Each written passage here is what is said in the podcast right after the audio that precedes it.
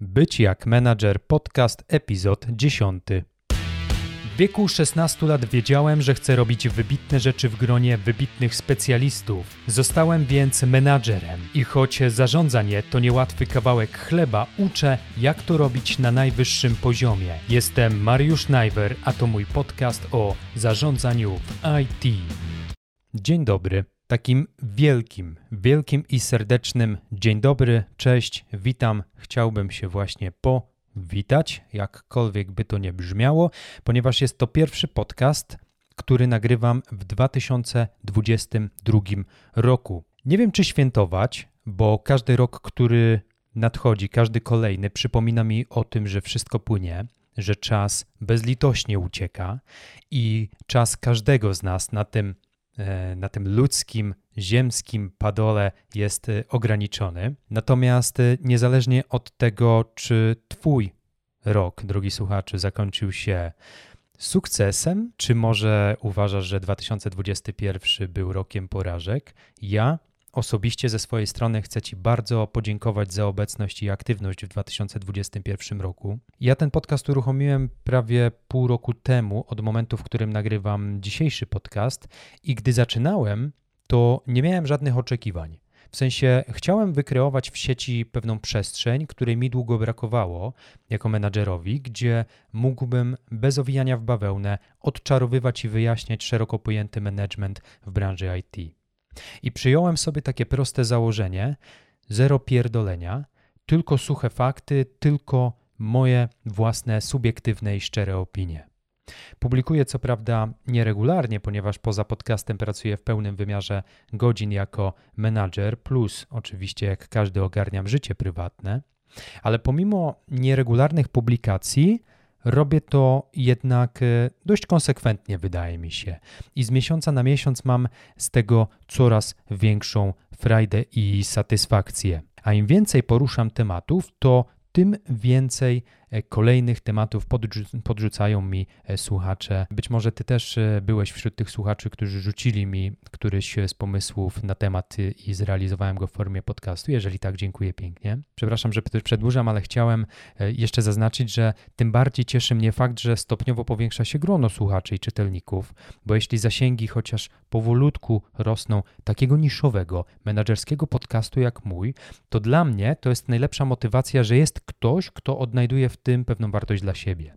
Także już kończąc ten przydługawy wstęp, trzykrotne i stokrotne nawet dzięki, że jesteś tutaj ze mną. Mam nadzieję, że nasza przygoda potrwa również w 2022 roku, że będzie to rok zdrowy i owocny dla nas wszystkich.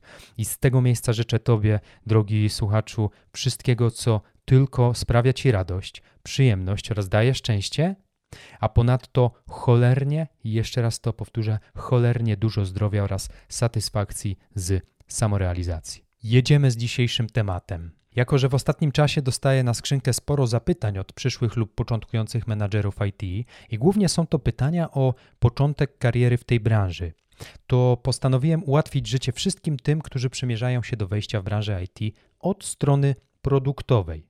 I w związku z tym od razu wyjaśnię, że dzisiejszy podcast, pomimo że poruszam tematy product ownerów, product managerów, ale także poruszam sprawy project managerów, to dzisiejszy podcast będzie mocno product managerski. Opowiem bowiem o tym, jakie pytania najczęściej stawia się produktowcom w czasie rozmowy kwalifikacyjnej. Nie musiałem daleko szukać informacji do dzisiejszego podcastu, ponieważ w ostatnich latach brałem udział w co najmniej kilku rozmowach kwalifikacyjnych jako kandydat na produktowca, ale również sam pomagałem kilku zarządom firm polskich rekrutować menadżerów z mniejszym lub większym stażem. Rekrutowałem project managerów, ale także produktowców czy product ownerów.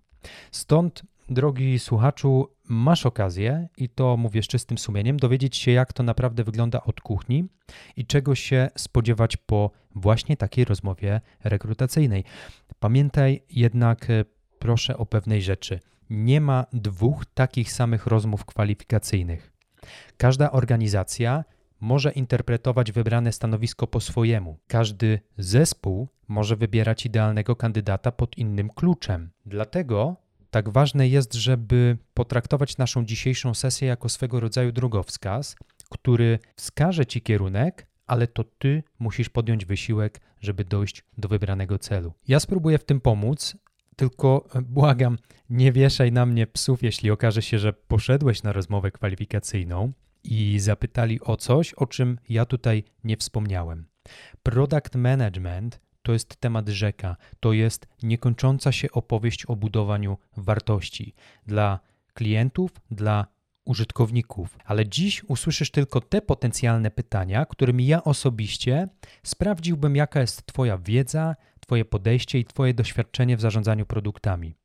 Jedziemy zatem z tematem, zapnij pasy i szykuj się na podróż do produktowej krainy Oz. Podzieliłem sobie te pytania na pytania bardziej ogólne i takie mięcho, czyli bardzo warsztatowe i merytoryczne kwestie. Zacznijmy od pytań ogólnych. Przygotuj się do nich przed taką rozmową kwalifikacyjną, nawet jeśli wydają ci się bardzo błahe. Pytanie, a raczej pytanie o prośba numer jeden, bardzo często można to usłyszeć. Rekruter siedzi naprzeciw ciebie i mówi: Opowiedz mi o sobie. Niby proste, ale jednak ja czasem mam takie poczucie, gdy mówię o sobie, że no takie poczucie zażenowania, że kurczę, no muszę opowiedzieć sobie, no co ja mogę o sobie opowiedzieć? Słuchaj, to jest takie pytanie y, proste, taka prośba od rekrutera, bardzo często na rozgrzewkę, bo spotykając się z taką osobą na kolu, nieważne czy to jest rekruter, czy to jest już specjalista, który będzie cię odpytywał, w ogóle się nie znacie, jesteście dla siebie obcymi ludźmi. Dlatego warto ułożyć sobie wcześniej kilka zdań w głowie o sobie samym, i to może być wszystko. Ja polecam również powiedzieć chociaż jedno, dwa zdania o swoim życiu prywatnym, nawet jeżeli bardzo cenicie sobie e, i bronicie swojego życia prywatnego przed światem zewnętrznym, to jednak miłe zwłaszcza dla osoby, która w ogóle ciebie nie zna, że dowie się, czy, nie wiem, mieszkasz sam, czy masz narzeczonego, narzeczoną, czy masz rodzinę na przykład. Jeżeli tak, to czy masz dzieci? Wystarczy jedno, dwa zdania o życiu prywatnym i od razu widać, że mamy do czynienia z normalnym, fajnym facetem, tudzież super dziewczyną. Pytanie numer dwa. Jak usłyszałeś o tym, czyli naszym stanowisku i jak nas, czyli naszą firmę znalazłeś? Bardzo proste pytanie. Rekruter pyta często albo dla siebie, albo dla swoich przełożonych, żeby jeszcze lepiej w przyszłości docierać do przyszłych potencjalnych kandydatów. Kolejnym pytaniem jest: dlaczego szukasz nowych wyzwań zawodowych? Bardzo standardowe pytanie, nie tylko produktowcy go słyszą. Większość kandydatów szukających pracy usłyszy podobne pytanie. To takie y, dyplomatycznie powiedziane, dlaczego rzucasz obecną robotę? uczulam od razu, że najgorszą odpowiedzią byłoby powiedzieć, że za mało ci płacą. Chociaż pieniądze są dobrą motywacją, to nie są idealną ani wręcz wymarzoną motywacją. E, natomiast jeśli tak jest, że rzucasz obecną robotę tylko i wyłącznie z przyczyn finansowych, to albo spróbuj o tym nie mówić tak wprost, albo powiedz to inaczej, że na przykład czujesz się sfrustrowany, ponieważ od kilku lat podwyższasz swoje kwalifikacje, jesteś pasjonatem tego, co robisz, ale dla Twojego obecnego pracodawcy to nie ma znaczenia. Stąd szukasz miejsca pracy, gdzie poczujesz się być może bardziej doceniony i będziesz wiedział, że wraz ze wzrostem Twoich kompetencji wzrastać będzie także pensja. Kolejne pytanie. Dlaczego zaaplikowałeś właśnie do naszej firmy?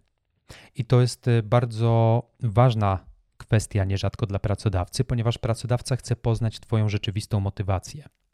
To pytanie może być powiązane z tym, co wiesz już na temat firmy, do której zaaplikowałeś. Dlatego warto przed taką rozmową poczytać o firmie, z którą będziemy rozmawiać, odwiedzić ich stronę, zobaczyć, czym się zajmują, jaki mają zespół, nad jakimi produktami pracowali, z jakimi klientami. Znajdź te rzeczy, które przykuły Twoją uwagę najbardziej i opowiedz o nich w trakcie rozmowy rekrutacyjnej.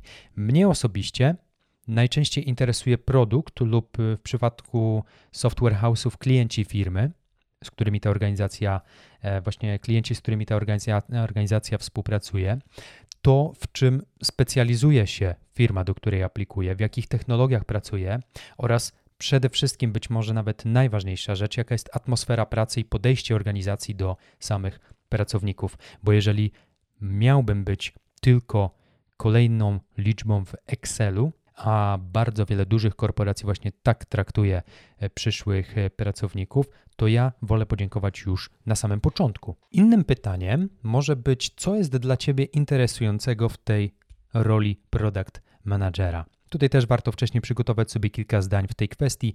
Niech to będą szczere powody, dla których chcesz zostać produktowcem lub niedawno zostałeś. Teraz skup się, wciąż jesteśmy w tej grupie pytań, powiedzmy, miękkich, i jednym z takich pytań może być, jakie masz dotychczasowe doświadczenie w zarządzaniu. I teraz najlepiej w tym momencie pochwalić się doświadczeniem, które zdobyłeś do tej pory, nawet jeżeli nie jest to doświadczenie bezpośrednio z branży IT, a na przykład w branży produkcyjnej, to także koniecznie o tym powiedz. Istnieje wiele wspólnych cech dla menadżerów z różnych branż, dlatego warto podkreślać, że masz doświadczenie w zarządzaniu w innym sektorze, bo to znaczy, że już masz potencjalnie pewien zestaw umiejętności miękkich, które pomogą tobie w przyszłym miejscu pracy. A co jeśli nie masz kompletnie doświadczenia w zarządzaniu? Powiedz o tym wprost. Nie wstydź się tego, ale nie poprzestawaj na tym. Koniecznie opowiedz o wszystkich kursach, o wszystkich eventach menedżerskich, w których wziąłeś udział do dnia dzisiejszego. Pamiętaj, że uczestnictwo w kursie, zrobienie jakiegoś certyfikatu, udzielanie się na branżowych forach internetowych to jest także zdobywanie doświadczenia. Także teraz, kiedy nagrywam ten podcast i przygotowuję się do podcastu, ja muszę zrobić research, muszę trochę pogrzebać, trochę pogłówkować, wyfiltrować to, te informacje, które są potencjalnie ważne. To także jest zdobywanie doświadczenia. Co prawda, być może jest tutaj więcej teorii niż praktyki, ale na pewno już samo takie proaktywne udzielanie się i angażowanie się w różne inicjatywy, nawet jeśli nie pracujesz jeszcze jako menadżer, jest już bardzo fajnym e, takim e, zalążkiem do budowania sobie bardzo fajnych e, fundamentów, do, do wejścia w tą rolę jakby menadżera. Więc nie krępuj się mówić o tym, że nie masz doświadczenia, ale podjąłeś szereg innych akcji, żeby te doświadczenie zdobywać. I opowiadając o inicjatywach, jakie podjąłeś, żeby jak najwięcej się nauczyć, gdy nie byłeś zatrudniony jako menadżer, odwracasz to pytanie trochę na swoją korzyść i skupiasz uwagę rekrutera na Twoim ambicjonalnym podejściu do tematu. I wydaje mi się, że to zostanie w głowie rekrutera, który y, y, jeśli zapytał, jakie masz doświadczenie, ty na początku powiesz, nie mam żadnego doświadczenia, ale zrobiłem to, to, to i to, to, to, to i to. Już sam fakt, że dziś rozmawiamy jest, y, nie wiem, dowodem na moje ogromne zaangażowanie i chęć jakby podejmowania wyzwań właśnie w tym kierunku. To pytanie jesteś w stanie odwrócić naprawdę na swoją korzyść nawet jeśli nie masz e, takiego jeden do jednego doświadczenia praktycznego. Innym e, pytaniem, które możesz usłyszeć, ja bym w sumie je zadał, chociaż wiem, że ludzie się śmieją z tego pytania. Jakie masz obecnie cele zawodowe na najbliższe miesiące lub lata? Ja tutaj sparafrazowałem trochę to słynne pytanie rekruterskie: gdzie siebie widzisz za 10 lat? Ale między Bogiem a prawdą to jeśli potrafisz ciekawie odpowiedzieć na to pytanie, albo chociaż jakkolwiek odpowiedzieć, to dla rekrutera znaczy, że poważnie myślisz o swoim rozwoju zawodowym, zwłaszcza w kierunku zarządzania. Osoba pytająca będzie też wiedziała, jeśli odpowiesz na to pytanie, że nowa rola, na którą aplikujesz, pomoże ci potencjalnie w tej drodze zawodowej, jaką sobie obrałeś. Dla największych hardkorowców Polecam spróbować najbardziej ekstremalną odpowiedź i powiedzieć, że za 10 lat chciałbyś zapuścić wąsy i założyć własne solarium.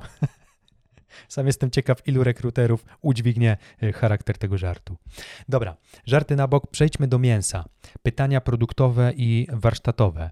I nie przerażaj się, jeżeli opowiem tutaj albo poruszę kwestie, które są ci obce. O części z nich będę mówił na podcastach, o części już mówiłem na podcastach, o części zapewne sam dowiesz się na własną rękę, jeśli odrobisz zadanie domowe, o którym jeszcze wspomnę. Pytanie numer jeden czysto warsztatowe, jak byś ustalił priorytety, gdy na tapecie są dwie ważne rzeczy do zrobienia w produkcie, ale ograniczone zasoby, ludzie, finanse, to mogą być jakiekolwiek zasoby, nie pozwalają, żeby zrobić te obie rzeczy jednocześnie. Przy tym pytaniu warto wykazać się fajną wiedzą o chociażby technikach priorytetyzacji funkcjonalności. Ja znam kilka, Wiem, że jest ich więcej, ale nigdy więcej niż kilka nie potrzebowałem wykorzystywać w praktyce. Chociażby Moscow, chociażby Keino, chociażby RICE, pisane przez RICE, czyli Reach Impact Confidence Effort. O tych technikach priorytetyzacji będzie zupełnie osobny podcast, ponieważ to jest także temat rzeka.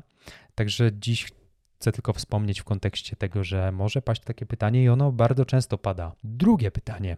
Opisz sytuację, która wymagałaby od ciebie, albo która już wymagała od ciebie, jeżeli masz takie doświadczenie, powiedzenia nie dla konkretnego pomysłu lub projektu. Fajnie jest, nawet jeżeli nie miałeś takiej sytuacji, wyobrazić sobie sytuację, kiedy jako product manager, gdy ktoś przychodzi do ciebie z jakimś pomysłem lub projektem, ty musisz powiedzieć nie.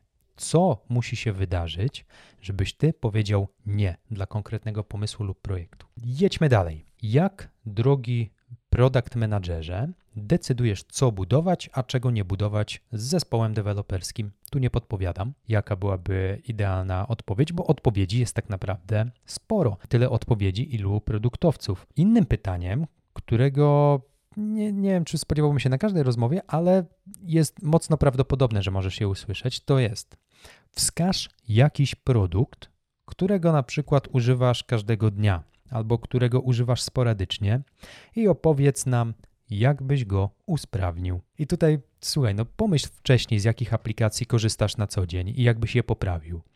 Założę się, że na pewno jest coś, co cię wkurza i mogłoby działać lepiej. Dla przykładu powiem, że moją narzeczoną Tatianę cholernie wkurzają AB testy na Instagramie i co chwilę różne funkcjonalności nowe się pojawiają, albo ikony są poprzestawiane w inne miejsce i z każdą kolejną wersją wszystko znajduje się w innym miejscu i to jest cholernie rzeczywiście wkurzające dla niej.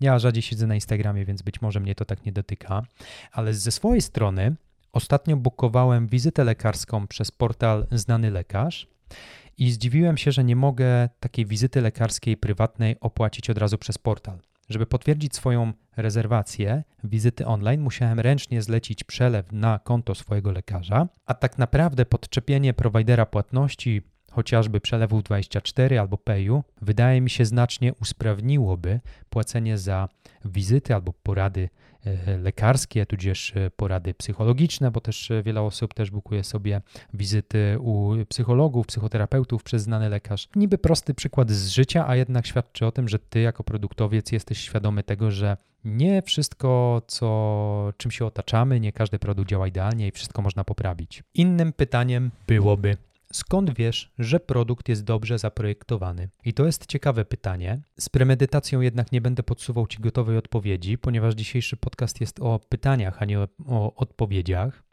Ale jako zadanie domowe zachęcam, żeby na część, a nawet większość z tych pytań poszukać odpowiedzi samodzielnie. Idąc tym tropem, jest jedno pytanie, które Bodajże usłyszałem na każdej rozmowie kwalifikacyjnej i też chyba na każdej rozmowie kwalifikacyjnej, jeżeli to ja rekrutowałem, sam je zadałem. Mianowicie opowiedz o pewnym wyzwaniu produktowym, przed którym stałeś, co było challenge'ujące i jak sobie z tym poradziłeś, z tym wyzwaniem. I teraz, jeżeli nie masz doświadczenia produktowego, to zachęcam, żeby opowiedzieć o jakimkolwiek wyzwaniu, nie tyle produktowym, co menedżerskim, z którym musiałeś się zmierzyć właśnie jako y, możliwe, że kierownik projektu albo inny specjalista. Kolejne przykładowe pytanie. Opowiedz, jak wyjść z jakiejś porażki produktowej albo ze słabego feedbacku, który Twój produkt otrzymał od y, użytkowników. Wyobraź sobie, że jesteś PM-em jakiegoś projektu, no nie projektu, tylko produktu, wypuszczacie nową wersję oprogramowania i nagle wylewa się hejt od użytkowników na nową wersję bo usunęliście, tak się okazało, ulubioną funkcjonalność użytkowników. I to jest pytanie, które tak naprawdę rozwinę w osobnym podcaście, ale do tego czasu zastanów się proszę, jak powinien zachować się taki przykładny, wzorowy product manager, gdy jego produkt zbiera cięgi od użytkowników. Odpowiedź leży bardzo blisko, ale naprawdę e, nie chcę zwalniać cię z myślenia. Zastanów się, co zrobiłbyś w momencie, gdy użytkownicy wylewają hejt i szambo e, leje się hejterskie na Twój produkt? Jak powinieneś się wtedy zachować jako produktowiec odpowiedzialny właśnie za ten obszar, który jest hejtowany. Kilka takich drobnych rzeczy, które również mogą, ale nie muszą pojawić się w, w czasie rekrutacji produktowca, to takie metodyczne kwestie. Czym się charakteryzuje metodologia Lean Startup? Jeżeli nie wiesz, sprawdź. Czym się charakteryzuje metodologia Product Discovery i kiedy warto po nią sięgnąć? Nie wiesz? Sprawdź. To są bardzo popularne metodologie pracy nad produktem obecnie. Ale może się także pojawić fajna kwestia. Mianowicie, wyobraź sobie, że jestem rekruterem i mówię do ciebie: Opowiedz o błędzie, jaki w przeszłości popełniłeś oraz jak go naprawiłeś. I to jest super ważne pytanie. Ja wiem, że było nieco podobne pytanie, z jakimi challenge'ami czy wyzwaniem mm, spotkałeś się w przeszłości. Jest zbliżone rzeczywiście, mm, rzeczywiście charakterem pytanie. Natomiast tu jest konkretnie, opowiedz o błędzie, który ty popełniłeś. Można to naciągnąć i powiedzieć, że jako zespół popełniło się błąd, bo w sumie w firmach fajnych, tych takich nowoczesnych jest raczej odpowiedzialność zbiorowa, a nie jednostkowa. I to jest ważne pytanie, ponieważ jeśli powiesz, że nie pamiętam żadnego błędu, jaki popełniłem, teraz sobie nie przypominam, no to takie coś e, jest podejrzane. No bo czy znasz kogoś, kto zna kogoś, kto nigdy nie popełnił błędu? Ja takiej osoby nie znam, ja taką osobą nie jestem, bo także popełniam błędy. Odszukaj więc w pamięci adekwatną sytuację, gdy musiałeś naprawić coś, co sam spieprzyłeś, a następnie podziel się tym z rekruterem. I tutaj osobiście rekomenduję szczerość, ale może bez takiej brutalnej, a tym bardziej wulgarnej szczerości. W ogóle taka anegdota, że już abstrahując, raz jak szukałem dla swojego zespołu specjalisty, to ten powiedział, że jego poprzedni szefowie byli idiotami. Ja się bałem trafić czasem do takiego rankingu naszego kandydata, dlatego grzecznie mu e, podziękowaliśmy. Natomiast mówiąc już o błędach, wysłupaj jakiś błąd, nawet teraz o tym pomyśl, jeżeli jeszcze nie jesteś w trakcie takiej rozmowy kwalifikacyjnej. Jakim błędem mógłbyś się w cudzysłowie pochwalić, albo którego błędu mógłbyś się powstydzić, ale mógłbyś się za to pochwalić, jak go naprawiłeś. Kolejne pytanie: kiedy warto przeprowadzać AB testy i dlaczego. O AB testach e, dużo już napisane. Ja nawet nie wiem, czy będę nagrywał ten podcast, bo jak zgooglujesz AB test, to e, masz mnóstwo informacji na ten temat w internecie. A teraz pytanie, zadanie. Jeden stakeholder, czy mówiąc inaczej interesariusz, mówi, że funkcjonalność A jest najważniejsza. Ale w tym samym czasie inny interesariusz, stakeholder, mówi, że funkcjonalność B jest najważniejsza. I teraz jak ty, jako product manager, poprowadzisz komunikację z tymi interesariuszami, Mogą to być ludzie, którzy wykładają pieniądze, pieniądze na e, Twoją aplikację. Jak poprowadzisz z nimi komunikację, wiedząc, że nie można z technicznego punktu widzenia wdrożyć obu funkcjonalności jednocześnie, lub gdy obie funkcjonalności wykluczają się nawzajem? Ja tylko zaznaczę, chociaż wiem, że wspominam o tym w co drugim podcaście, że prowadzenie komunikacji, bycie dyplomatą, bycie tyglem komunikacyjnym, bycie wewnątrz bardzo często pożarów to jest jedna z korowych i absolutnie najważniejszych umiejętności i kompetencji menedżerskich. Product managera, project managera czy product ownera. Pomyśl nad tym, jak poprowadziłbyś taką komunikację, jeżeli dwie osoby, które przykładowo wykładają pieniądze na wasz produkt, jedna osoba chce jedno, druga osoba chce drugie, a ty wiesz, że te dwie rzeczy wykluczają się nawzajem i trzeba się zdecydować na jedną. Co zrobisz? Co zaproponujesz? Czujesz ten dreszczyk e, emocji? Ten dreszczyk emocji będzie ci towarzyszył bardzo często w pracy produktowca, wierz mi. Kolejne pytanie, już powolutku będziemy dojeżdżać do e, końca. Nie powinienem pomijać tego, to mogło być nawet na samym początku tych pytań warsztatowych, mianowicie na jakich metrykach dotychczas pracowałeś i dla przykładu wskaż kilka kluczowych metryk, którymi jako produktowiec razem z zespołem, e, czy to deweloperskim, czy marketingowym, musiałeś się zaopiekować, albo jakie metryki ostatnio lub w przeszłości zdefiniowałeś dla produktu, który tworzyłeś razem e, z zespołem e, deweloperów. Możesz też spodziewać się, jeżeli będzie to, chociaż wydaje mi się, że na mm, takiego może nie juniora, ale asystenta product managera lub mniej doświadczonego product managera, nikt nie wejdzie bardzo głęboko w rozmowy o metrykach, bo to już jest wiedza mocno seniorska. Tutaj trzeba naprawdę trochę zjeść zębów, żeby popracować z metrykami, aby móc się czymś realnie pochwalić. Natomiast poczytaj o metrykach, bo metryki to jest duża część Twojej pracy. Też produktowcy często definiują KPI, jakimi będzie się mierzyć, czy produkt osiąga sukces, czy nie osiąga sukcesu. I ostatnie na dziś pytanie warsztatowe i w ogóle pytanie, chociaż tych pytań mogłoby być dużo, dużo więcej, ale jeżeli naumiesz się i przygotujesz się chociaż do tych tutaj, to diametralnie zwiększysz swoje szanse na dostanie tej roboty. Pytanie jest następujące: jak motywować zespół i trzymać świetną komunikację w czasie całkowitej pracy zdalnej. Pytanie miękkie, pytanie bardziej z sektora leadership niż produktowca, natomiast y, no tutaj powiem Ci, że w tych czasach takich pandemicznych, zawirusowanych, myślę, że bardzo dobrze jest przygotować sobie odpowiedź na to, jak ty jako produkt, product manager czy jakikolwiek inny menadżer motywujesz lub y, będziesz motywował zespół, gdy zespół się nie widzi na co dzień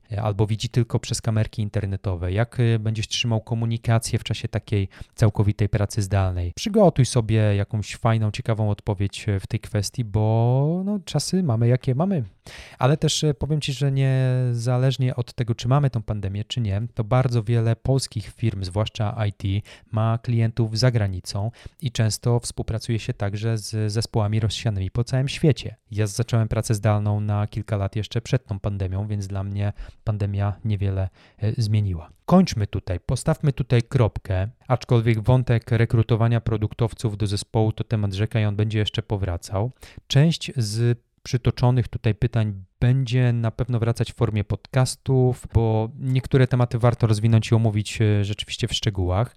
Ja Ci bardzo dziękuję za wysłuchanie dzisiejszego epizodu. Dziękuję też za każdy komentarz i opinię zostawioną pod tym podcastem na moim blogu byćjakmanager.pl. Wiem, że o tym zawsze wspominam, ale to też jest super ważne dla mnie. Zachęcam do zapisania się na newsletter, żeby otrzymywać ode mnie czasem bardzo osobiste maile, w których e, odkrywam się niejednokrotnie przed e, swoimi słuchaczami, ale przede wszystkim maile, w których informuję o nowych podcastach i nigdy nie spamuję, nigdy nie handluję danymi e, osobowymi, czyli imieniem i mailem moich słuchaczy. Tyle na dziś. Jeszcze raz, zdrowego, dosiego roku 2022. Mam nadzieję, że wszystkie zmiany, których podejmiesz się w tym roku, zaprocentują i zaowocują u Ciebie tylko samymi pozytywami i mam nadzieję, że kończąc ten rok 2022 i ja i ty będziemy mogli siąść przy wspólnym stole, napić się piwa i powiedzieć: Ten rok był naprawdę zajebisty. Dbaj o siebie i innych. Cześć.